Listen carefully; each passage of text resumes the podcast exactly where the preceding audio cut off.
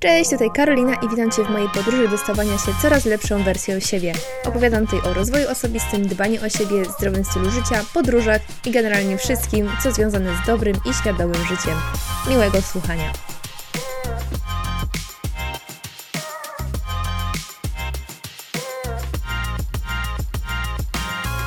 Witam Cię w pierwszym odcinku października i choć mamy już jesień, to nie wiem jak u Was, ale u mnie jeszcze w Ameryce, bo jeszcze tu jestem trzy dni, jest całkiem przyjemnie. Może nie jest jakoś super ciepło, w sensie chodzę już w leginsach i w bluzie, natomiast jest piękne słońce, jest niebo niebieskie, zazwyczaj bez chmur, więc co prawda są liście, spadają liście, jest kolorowo i tak dalej, ale no nie czuję jeszcze tej takiej typowej jesieni, której się zawsze obawiam i w której mam największe e, deprechy, że tak powiem.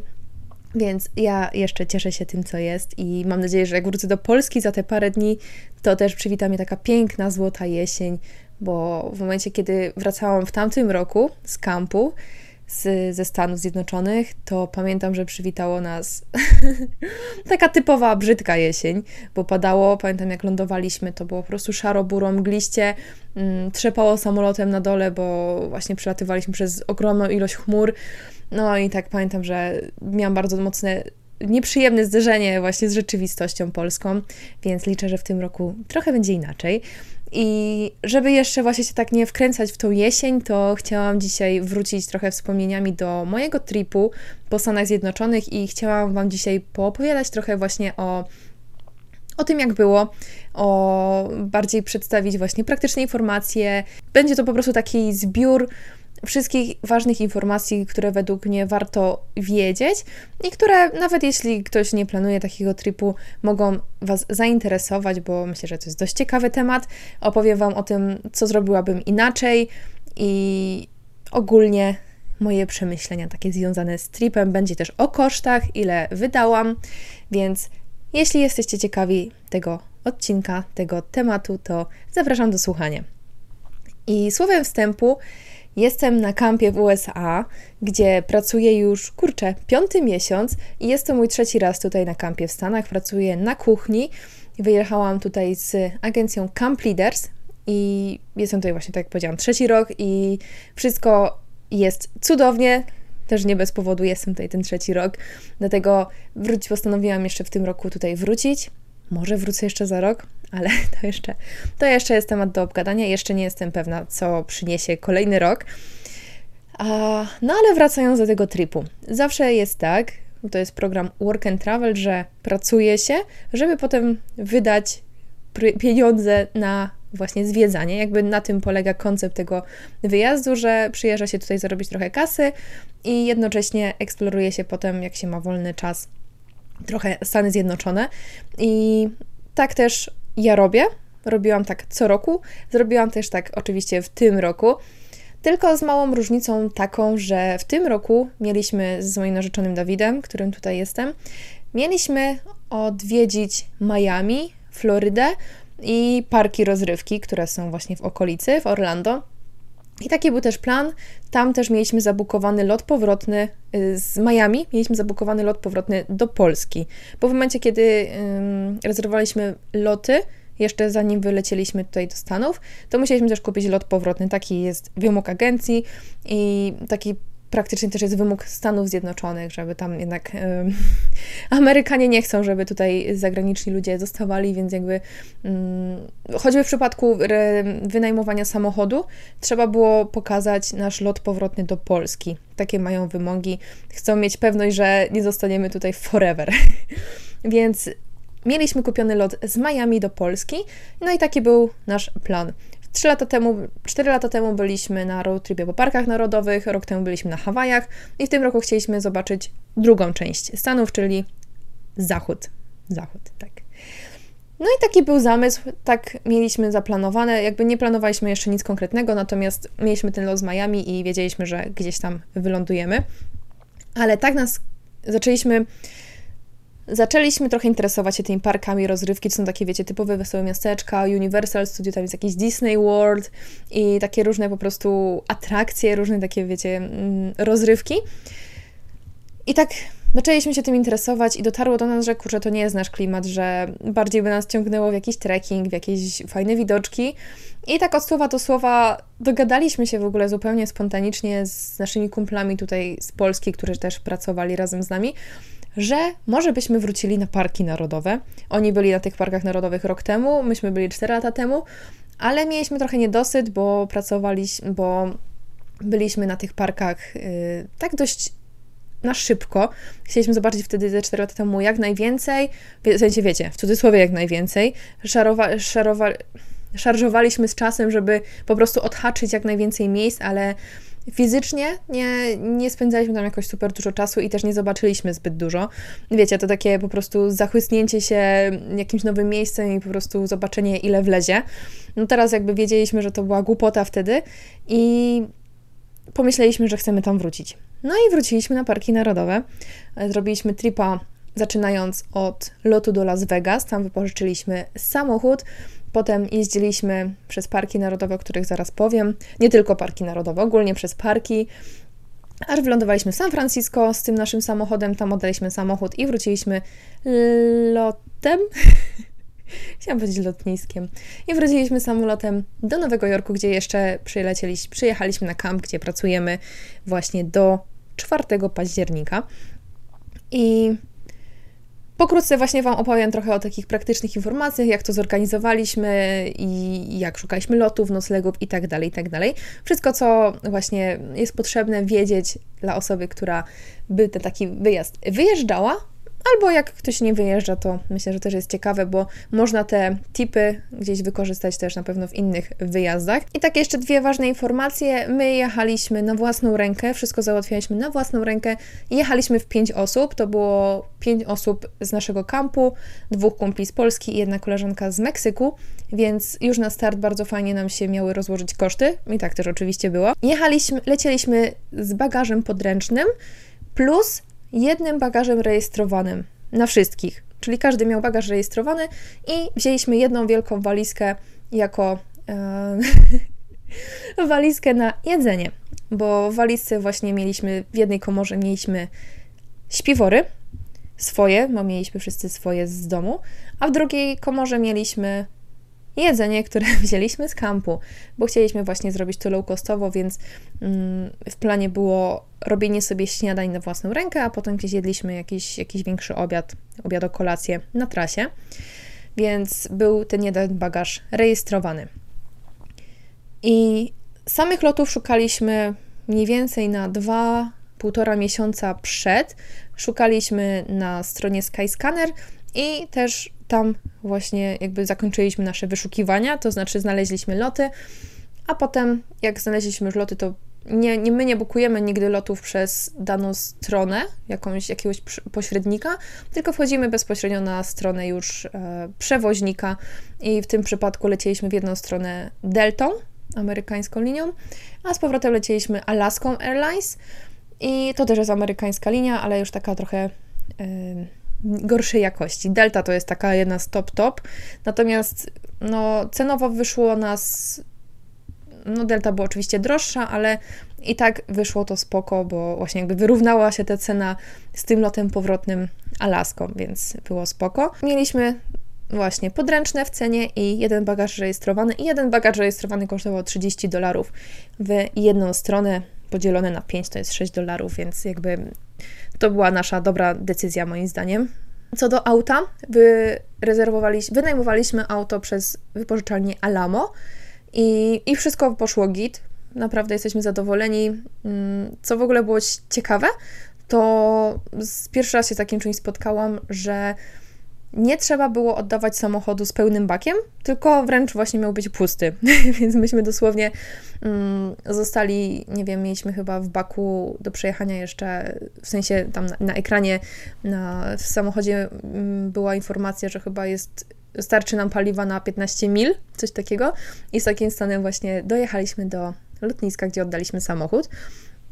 Co było też fajne w Alamo, to nie trzeba było mieć karty debetowej. To był też nasz warunek, w sensie szukaliśmy takiej wypożyczalni, która nie będzie wymagała tej karty kredytowej, bo niestety nie mieliśmy i jest to dość duży problem w Ameryce, bo większość wypożyczalni wymaga tej karty kredytowej i wiem, że nasi znajomi, którzy jechali mm, na Niagarę, na wodospady tutaj z kampu na dosłownie jeden dzień, mm, nie mieli tej karty kredytowej przedłożyli przez internet y, kartę debetową. Natomiast w momencie, kiedy przyjechali fizycznie do wypożyczalni, okazało się, że jednak jakby kartą debetową mogli płacić, ale i tak chcieli jakąś kartę kredytową jako zabezpieczenie. Nie brali jakiegoś, nie brali żadnego, mm, żadnej kaucji nic e, z tej karty debetowej, tylko chcieli mieć wy wykorzystania kartę kredytową. No i niestety okazało się, że kartę kredytową miała jedna osoba, która była w wieku poniżej 25 lat. A uwaga, w Stanach osoba, która ma mniej niż 25 lat, jest kierowcą młodocianym i płaci się dość sporo więcej za taki samochód niż za osobę, która ma więcej niż 25 lat. To jest troszeczkę słabe, trochę tego nie kumam, bo wiecie, mamy na przykład w wieku 25 lat masz już na przykład, jeśli zdawałeś prawko, zdawałaś prawko w wieku 18 lat, to już masz tyle prawko 7 lat. No to jak możesz być kierowcą niedoświadczonym? A osoba, która załóżmy zdała prawo jazdy w wieku 24 lat i jeździła, nie wiem, pół roku do 25 lat, już jest tym kierowcą doświadczonym, więc no to jest taka trochę wątpliwy temat, trochę tego nie rozumiem, mm, no ale tak jest tutaj w Stanach. Dlatego w naszym przypadku znaleźliśmy wypożyczalnię, która według tam informacji w internecie nie wymagała tej karty kredytowej. Mieliśmy kartę kredytową od jednej osoby, ale właśnie też miała mniej niż 25 lat. No ale okazało się już fizycznie na miejscu, że karta debetowa wystarczyła, więc udało nam się, nie płaciliśmy nic e, dodatkowo. My jechaliśmy w pięć osób, tak jak już powiedziałam wcześniej, i w tym naszym przypadku wzięliśmy samochód typu SUV. Na pewno nie polecam w takim przypadku samochodu zwykłego, takiego pięcioosobowego, bo, mm, bo po prostu nie ma miejsca na bagaże. My mieliśmy sporo bagaży, bo jakby mieliśmy podręczne, ale tak naprawdę każdy miał dwa podręczne, bo tak tutaj jakby, no to jest tak samo jak w Polsce, tylko to nie jest tak jak w Ryanerze, że mamy jeden mały plecak i jeden, nie wiem, jedną malutką torebeczkę, tylko w Ameryce i to w większości um, lotu, w większości linii, jak lecieliśmy przez te trzy lata, um, dosłownie można mieć duży plecak i drugi duży plecak.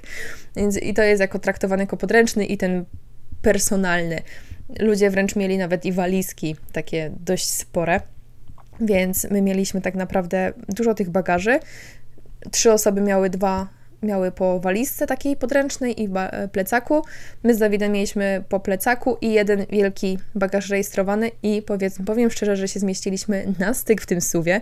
Dlatego jeśli jedziecie na przykład, jeśli w ogóle chcecie gdzieś wypożyczać samochód, jedziecie w pięć osób, to najważniejsze jest zastanowić się, czy po prostu się zmieścicie z bagażem, bo to jest później największy problem. Słów co najmniej. Co do noclegów, kilka nocy, cztery noce z tego co kojarzę, nocowaliśmy w namiocie i taki taki sposób już wykorzystaliśmy 4 lata temu, jak byliśmy na parkach narodowych, i tak też mieliśmy w planie zrobić w tym roku. Zamówiliśmy sobie cały sprzęt kempingowy, znaczy cały. Namiot, materace, mieliśmy tam lodówkę przenośną, pompkę do materacy i młotek do śledzi, do wbijania. I zamówiliśmy to wszystko przez stronę internetową Walmartu, to jest taki najpopularniejszy supermarket w Ameryce. I tam mieliśmy zarezerwowane Złożyliśmy po prostu zamówienie, mieliśmy go odebrać w Las Vegas. Niestety mieliśmy trochę nieprzyjemną sytuację, bo przed czasem anulowali nam to zamówienie. No, stwierdzono, że mm, obecnie jest taki intensywny czas, że jest dużo zamówień i nie mieli po prostu miejsca na magazynie na nowsze zamówienia, które przychodziły do, do magazynu. I nam to anulowali niestety, ale nie wyszło najgorzej, bo okazało się, że ten namiot, który zamówiliśmy, był fizycznie na sklepie, więc sobie go wzięliśmy. Mm, niestety nie wzięli, nie zakupiliśmy materacy, bo kumple stwierdzili, że rok temu oni nie spali na materacach, mieli tylko śpiwory i było git, więc stwierdziliśmy, dobra, ryzykujemy, jak będzie źle, to po prostu gdzieś, gdzieś po prostu dokupimy te materace. Więc finalnie mieliśmy ze sobą tylko namiot, mieliśmy swoje śpiwory z Polski, a mieliśmy ten młotek. Nie kupiliśmy lodówki, bo, bo nie mieliśmy po prostu już miejsca, ale w sumie nie wysz, wyszło dobrze, bo my 4 lata temu mieliśmy ze sobą lodówkę i tam trzymaliśmy jakieś picie, jakieś jogurty, kupowaliśmy właśnie takie rzeczy, które mm, mogą się zepsuć pod wpływem temperatury. No w tym roku zrezygnowaliśmy jednak z tej lodówki, ale nie i stwierdziliśmy, że był to dobry, dobry, dobra decyzja, bo tak naprawdę mm, no po prostu kupowaliśmy inne rzeczy. Jakiś chleb, mieliśmy owsiankę, mieliśmy jakieś takie rzeczy. Mm, więc ta lodówka, rezygnowanie z tej lodówki było, y, było dobrym pomysłem po prostu. O tych materacach powiem Wam na samym końcu, gdzie będę mówić o rzeczach, które zrobiłabym inaczej, co bym zmieniła. Mam takich właśnie parę punktów, co byśmy następnym razem zrobili inaczej, więc do tego przejdę za niedługo. Kolejna rzecz to parki. I tutaj warto pamiętać o tym, że parki narodowe, czy ogólnie parki stanowe, jakiekolwiek parki, zazwyczaj wymagają wejściówki i trzeba zapłacić za wjazd do takiego parku. I jeśli się wjeżdża samochodem, to płaci się za samochód. I w przypadku naszych parków to było różnie cenowo, między 20 a 35 dolarów w zależności właśnie od parku. Oczywiście parki narodowe były droższe i one wtedy kosztowały 30-35 dolarów, a parki stanowe, jakieś mniejsze, były tańsze. I w większości przypadków były to wejściówki na tydzień, więc jeśli ktoś spędza, nie na przykład tydzień w Yosemite, no to tak naprawdę płaci 35 dolarów za 7 dni, no to to jest przecież nic. Mm, część tych parków była też te wejściówki były na jeden dzień, więc warto sobie to tam sprawdzić wcześniej. No my wszędzie płaciliśmy tylko raz. Nie mieliśmy potrzeby e, wykupować wejściówek mm, więcej, na więcej dni. I my byliśmy, teraz Wam powiem właśnie w jakich parkach byliśmy. Najpierw zaczynaliśmy nasz trip w Red Rock Canyon, gdzie spędziliśmy jeden dzień i to w zupełności wystarczy. Potem byliśmy w Zajonie, tam byliśmy półtora dnia i uważam osobiście, że minimum dwa dni to jest, to jest minimum, że tam jest naprawdę, jest co zobaczyć, jest co chodzić i niektóre szlaki są dość długie, więc warto właśnie dobrze to rozplanować, bo mm, co z tego, że sobie powiemy, a zrobimy trzy szlaki w jeden dzień, ale się okaże, że jeden ma na przykład 5 godzin, więc warto dobrze doczytać wszystkie informacje. Potem dojechaliśmy do Bryce Canyon. Tam byliśmy jeden dzień i ten jeden dzień w zupełności wystarczy. Tam jeżdżą też jeżdżą takie darmowe busiki po parku, tak samo jak w Zajonie, to nie powiedziałam, ale po parkach właśnie jeżdżą, po tych, po tych większych parkach jeżdżą takie darmowe busiki między różnymi punktami, więc tam przejeżdżaliśmy sobie tym busikiem i w Bryce zrobiliśmy jeden większy szlak na cały dzień. I tak naprawdę Bryce to są głównie takie punkty widokowe, nie, nie ma tam jakoś super dużo do roboty, więc jeden dzień spoko. Następnie Wall of Fire, tam jest taka scenic drive, taka widokowa trasa samochodowa. Ona chyba zajmuje jakoś 20 minut. I oprócz tego są też różne szlaki, ale one nie są jakieś super długie. Jest dużo punktów widokowych, bardziej taka właśnie wycieczka samochodowa połączona z jakimiś mniejszymi trekkingami. W Yosemite byliśmy dwa dni i uważam, że dwa dni to jest totalny, totalny minimum. Więc jeśli ktoś a, lubi trekking, to naprawdę dwa dni to jest. No, nie ma co tam jechać na mniej niż dwa dni w ogóle. I ostatnie miejsce to było jezioro Tahoe. I tam w zależności od pogody, w zależności od tego, co się chce robić, bo można tam się kąpać, to jest, jest totalnie krystaliczna woda, jedno z najpiękniejszych, najbardziej czystych miejsc w Stanach Zjednoczonych, więc jeśli ktoś ma ochotę poleżeć, popływać, to jeden dzień koniecznie tam trzeba zostać, szczególnie jeśli jest piękna, ciepła temperatura. Myśmy byli powiedzmy, że pół dnia po prostu tak przejeżdżaliśmy sobie wzdłuż jeziora, zatrzymywaliśmy się na kilku punktach, ale też było dość chłodno, my w ogóle byliśmy wszyscy pochorowani, więc to bardziej było takie, na takiej zasadzie właśnie porobić fotki, pooglądać trochę. Byliśmy na jednym punkcie widokowym i tak naprawdę no to nam wystarczyło wtedy. Więc tak wyglądały nasze, nasz rozkład tripu, jeśli chodzi o parkach, o parki.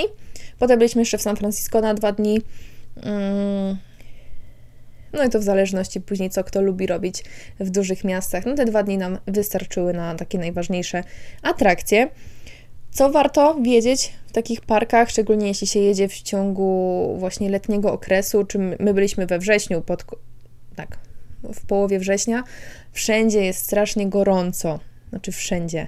W tych parkach typu Red Rock Canyon, Zion, Bryce, Wall of Fire to są parki, gdzie wręcz są informacje, że jest niebezpiecznie ze względu na temperaturę i wszędzie, wszędzie warto mieć zapas wody, mieć krem, mieć czapkę koniecznie na głowę. I to, co myśmy wykombinowali w tym roku, to kupiliśmy sobie saszetki z elektrolitami w Walmartie i wsypywaliśmy sobie to do wody. I to serio uważam, że była bardzo fajna decyzja. Mieliśmy chyba cztery takie paczuszki pojedynczymi takimi saszetkami, wysypywaliśmy to do wody i naprawdę dawało nam to, dawało to radę, bo gdzieś tam się nawadnialiśmy lepiej, więc polecam. Jeśli jedziecie ogólnie właśnie na jakieś wakacyjne wyjazdy, to takie elektrolity są super pomysłem. Co do jedzenia, no to tak jak powiedziałam na początku, mieliśmy pół walizki z jedzeniem, mieliśmy kampową szamę, wzięliśmy sobie z pracy. Jakby tutaj nie ma problemu, żebyśmy sobie pozabierali różne rzeczy, bo tu jednak się tyle jedzenia marnuje i mamy po prostu taki nadmiar e, wszystkich mm, produktów, że jakby no totalnie nie ma problemu, żeby coś takiego sobie wziąć. My wzięliśmy sobie na pewno płatki owsiane, mieliśmy taką dwukilogramową tubę i uważam, że to był najlepszy pomysł ever, jeśli chodzi o jedzenie. Praktycznie codziennie jedliśmy tą owsiankę. Mieliśmy ze sobą jakieś suszone morele, suszone, suszoną żurawinę chyba, orzechy, mieliśmy wiórki kokosowe, wszystko właśnie do owsianki. Mieliśmy dużo jakichś słodyczy, jakichś wafli, pop-tartów, mm, Oreo mieliśmy. Kupiliśmy też w Walmarcie chleb tostowy, mieliśmy ze sobą z kampu masło orzechowe, takie drzemiki małe, wiecie, takie pojedyncze, takie małe mm, Wiecie, jak w restauracjach czasami są, nie? Na śniadaniu takie małe kubeczki. I wszystko nam się naprawdę super sprawdziło. Mieliśmy też jakieś suche ciastka mm, i tak naprawdę wyjedliśmy wszystko, bo fajnie owsiankę na śniadanie, a tak w ciągu dnia jakieś mieliśmy przekąski w plecaku, właśnie jakieś herbatniki, ciastka, orzechy, cokolwiek. A w ciągu dnia, jeśli chodzi o obiady, o kolację, głównie to był taki większy obiado, większa obiado kolacja, no to niestety, ale zahaczaliśmy jakieś fast foody, Stety, niestety. Dwa fast foody, które koniecznie polecam, to jeśli jesteście w Kalifornii bądź w Las Vegas. In and Out, najlepsza miejscowa, jeśli chodzi o burgery i jak tylko się tam wejdzie, czy jak tylko się tam będzie zbliżać, to zobaczycie ile samochodów, ile ludzi tam jest non-stop, tam jest non-stop kolejka. To jest w ogóle ciekawe, bo In-N-Out jest już dość długo na rynku i jest to taki fast food, gdzie w ofercie jest dosłownie pięć rzeczy. Jest burger, hamburger, cheeseburger, shaky, mm, jakby bazują cały czas na tych samych produktach, ale one są na tyle dobre, że są frytki. Świeże, wszystko jest robione na miejscu, że po prostu no, idzie za tym jakość i dlatego też ludzie do tego cały czas ciągną. Druga miejscowa to Denis to też jest taki niby fast food, ale to już jest taki trochę na pograniczu restauracji z fast foodem, bo mm, taka typowo amerykańska knajpeczka, gdzie można kupić sobie już taki pełny obiad, że tam jakiś, nie wiem, yy, kurczak, jakieś yy, nuggetsy z frytkami i jakaś surówka do tego. Taki niby obiad, ale w takiej wersji amerykańskiej i już yy, tam jakby trochę trzeba czekać na obsługę, w sensie na mm, Trzeba poczekać trochę na jedzenie, trochę to wszystko dłużej trwa, ale też jest dużo lepszej jakości. Mniej więcej taki obiad kosztował gdzieś około 15 do 20 maksymalnie. Myślę, że 15 bliżej. 15 dolarów za taki posiłek. Byliśmy tam dwa razy. Y, mają też pancake'i. Ja jadłam burgera i jadłam raz takiego kurczaka w glazurze z ryżem i z warzywami.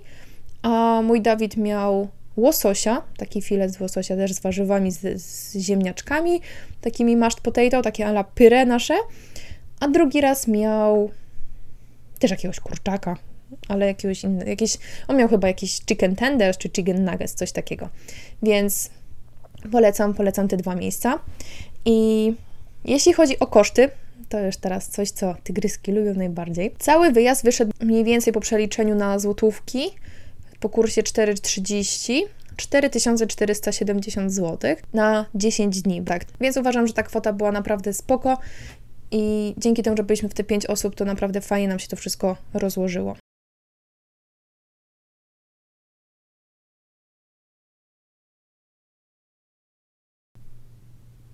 Czy mogliśmy taniej? Jasne, że tak. Zawsze można taniej. Na pewno, gdybyśmy wszystkie noclegi mieli pod namiotem, to byśmy dużo bardziej zaoszczędzili, bo namioty, za namiot, za noc, za wszystkich e, płaciliśmy mniej więcej między 20 a 60 dolarów. Tylko ten za 60 był tylko jeden taki. Zazwyczaj płaciliśmy albo 40, około 40, albo około 20, jeśli to był jakiś taki mm, nieprywatny nocleg. E, raz zrezygnowaliśmy z namiotu, w sensie przepadła nam kasa. On tam kosztował 40 właśnie dolarów i w ten dzień zabukowaliśmy sobie hotel na ostatni moment. I tak wybraliśmy najtańszy, więc to była kwota zbliżona do tych, które płaciliśmy normalnie za hotele tutaj podczas tripu.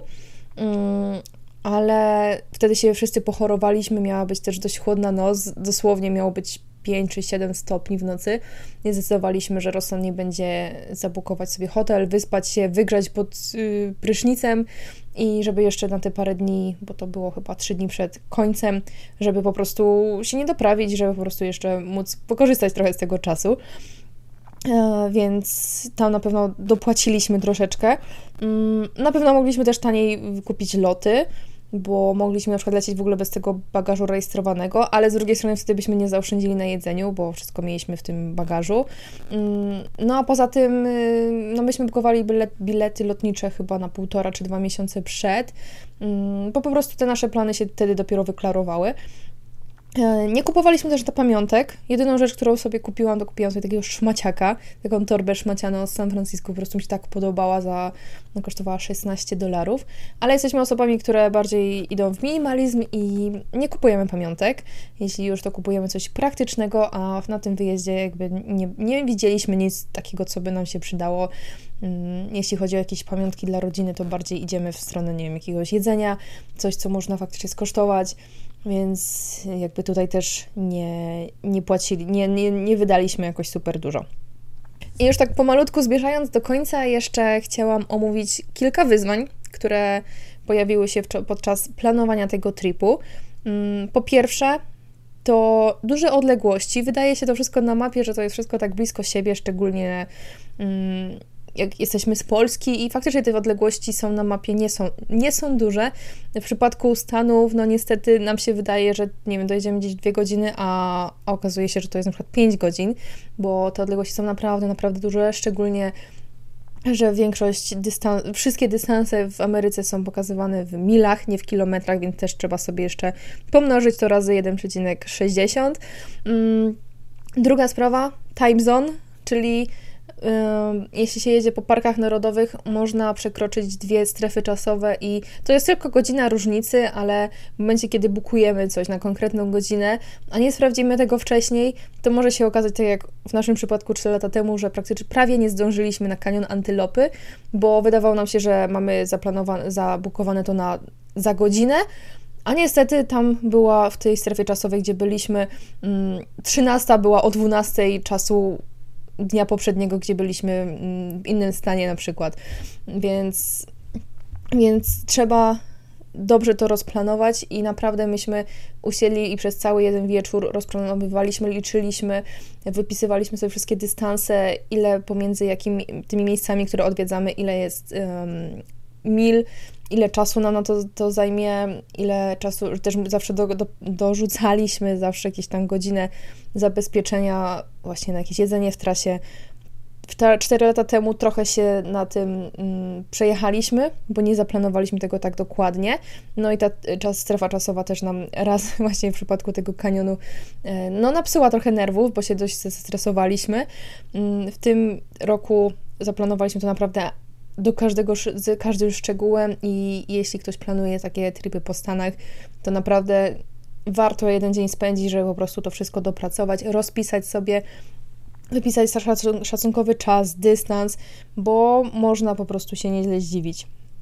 Druga rzecz to kempingi. Jest taka bardzo fajna aplikacja, z której myśmy korzystali. Ona się nazywa recreation.gov i to jest aplikacja na telefony, gdzie można znaleźć wszystkie informacje na temat parków, kempingów i wszystkiego, co związane właśnie z tym tematem. Można tam zabukować kempingi, można tam znaleźć informacje o parkach, e, ile kosztują wejścia, jakieś aktualności z danych parków. Generalnie taka aplikacja, która zrzesza wszystkie jakieś parki, rezerwaty w Ameryce, gdzie można wszystko, wszystko znaleźć, czy restauracje wokół i tak dalej. My przez tą aplikację bukowaliśmy kempingi. Tylko uwaga, jest wiele kempingów, które szczególnie w parkach narodowych, które są najbardziej popularne, nie ma dużo miejsc na kempingach i bardzo często jest sytuacja dosłownie jak przy zakupie jakichś biletów na koncert jakiejś super gwiazdy, że te miejsca po prostu rozchodzą się dosłownie w parę sekund, więc warto, jeśli już planujemy taki trip, nie wiem, rok wcześniej na przykład, nie wiem, jakiś pół roku wcześniej, warto zobaczyć, kiedy są wypuszczane miejsca, kiedy można zabukować, bo my cztery lata temu właśnie też się tak przejechaliśmy, nie, nie sprawdziliśmy tego wcześniej, byliśmy pewni, że a, kto tam na kemping jeździ, że przecież wszyscy wolą w hotelach i zaczęliśmy tego gdzieś tam szukać parę tygodni przed, no i często było już za późno. Część noclegów właśnie jest możliwe zabukować już parę miesięcy, czy nawet rok wcześniej.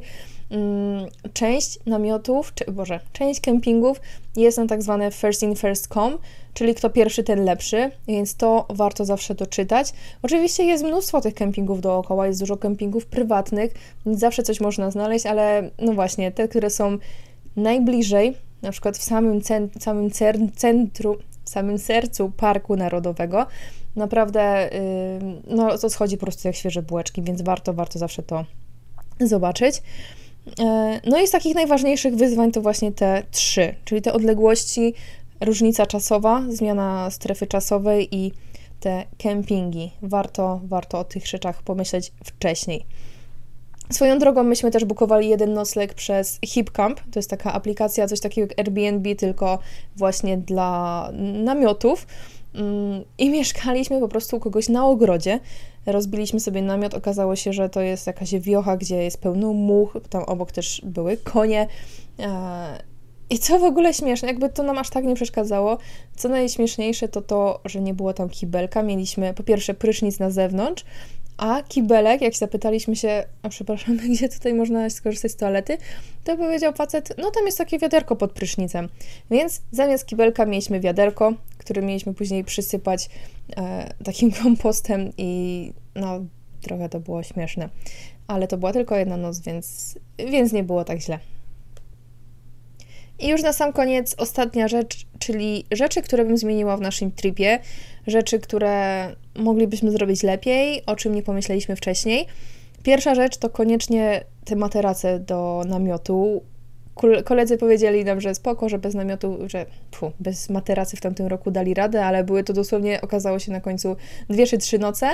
Mm, no myśmy nocowali cztery, ale no, no jest bardzo zimno, ciągnie od ziemi jest po prostu niewygodnie. Jeszcze jak tam na trawie to spoko, ale jak leżymy gdzieś na jakichś kamieniach, co nam się zdarzyło w tym roku, no nie jest to zbyt komfortowe, więc nie oszczędzajcie na tym, to nie są drogie rzeczy. Na teraz kosztuje około 15-20 dolarów, taki dwuosobowy, więc to nie jest dużo. Wiadomo, zajmuje trochę więcej miejsca, więc trzeba o tym pamiętać mm, gdzieś tam pakując się.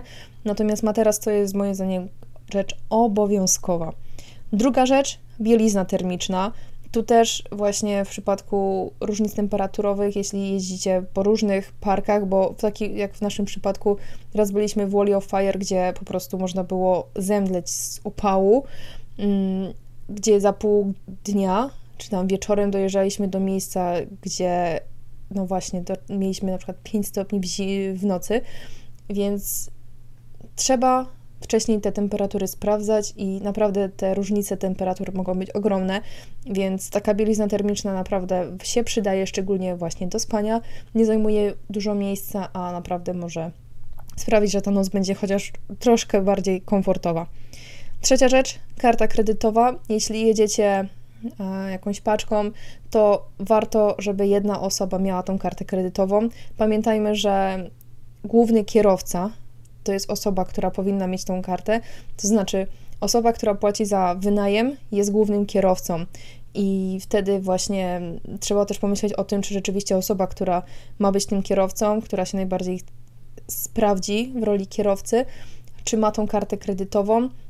Oczywiście można sobie wykupić też kilku dodatkowych kierowców, ale pamiętajmy, że ta karta kredytowa w Ameryce no jest jednak czymś, co oczywiście można, tak jak w naszym przypadku, zrobić tego bez, zrobić to bez tej karty, ale jednak większość wypożyczalni akceptuje tylko karty kredytowe, no a wtedy też mamy większy wybór wypożyczalni, więc warto taką kartę kredytową mieć. Czwarta rzecz, Park Zion. Zdecydowanie zalecamy tam Park Zion. Zdecydowanie, jeśli mielibyśmy jeszcze raz planować, to zostalibyśmy tam jeszcze jeden dzień dłużej, czyli trzy dni, trzy całe dni. Jest mnóstwo rzeczy do zobaczenia, szczególnie, że są też szlaki, które trwają trochę więcej niż trzy godziny. Dlatego w tym parku, jeśli mielibyśmy planować jeszcze raz, zostalibyśmy na pewno trzy dni. Piąta rzecz, buty. Jeśli jedziecie typo, jeśli ktoś jedzie typowo właśnie na tripa do Stanów z Polski, to pomyślcie właśnie o odpowiednich butach, jakichś trekkingowych czy wygodnych sportowych butach.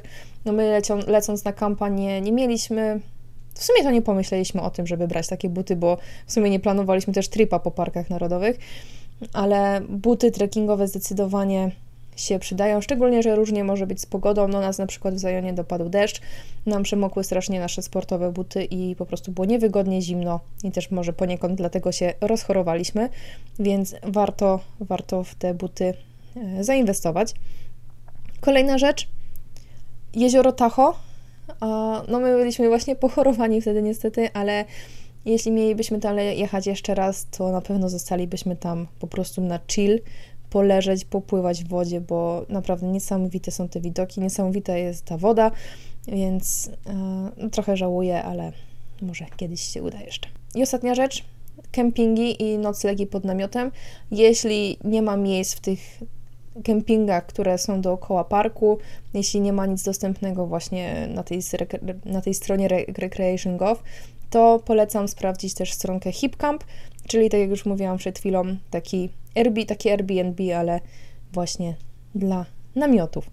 I z tego mojego takiego praktycznego e, podcastu o road tripie po USA to by było tyle. Jeśli chcecie jeśli interesuje Was bardziej ten temat, jeśli chcecie poszukać więcej informacji na ten temat, to odsyłam do mojego wspólnego z Dawidem kanału podróżniczego na YouTubie, gdzie tworzymy vlogi. Są tam vlogi z road tripu, są tam też daily vlogi z kampów USA, więc jeśli szukacie więcej praktycznych informacji, to myślę, że tam znajdziecie ich właśnie jeszcze więcej, bo tutaj oczywiście nie, nie, nie wyczerpałam tematu.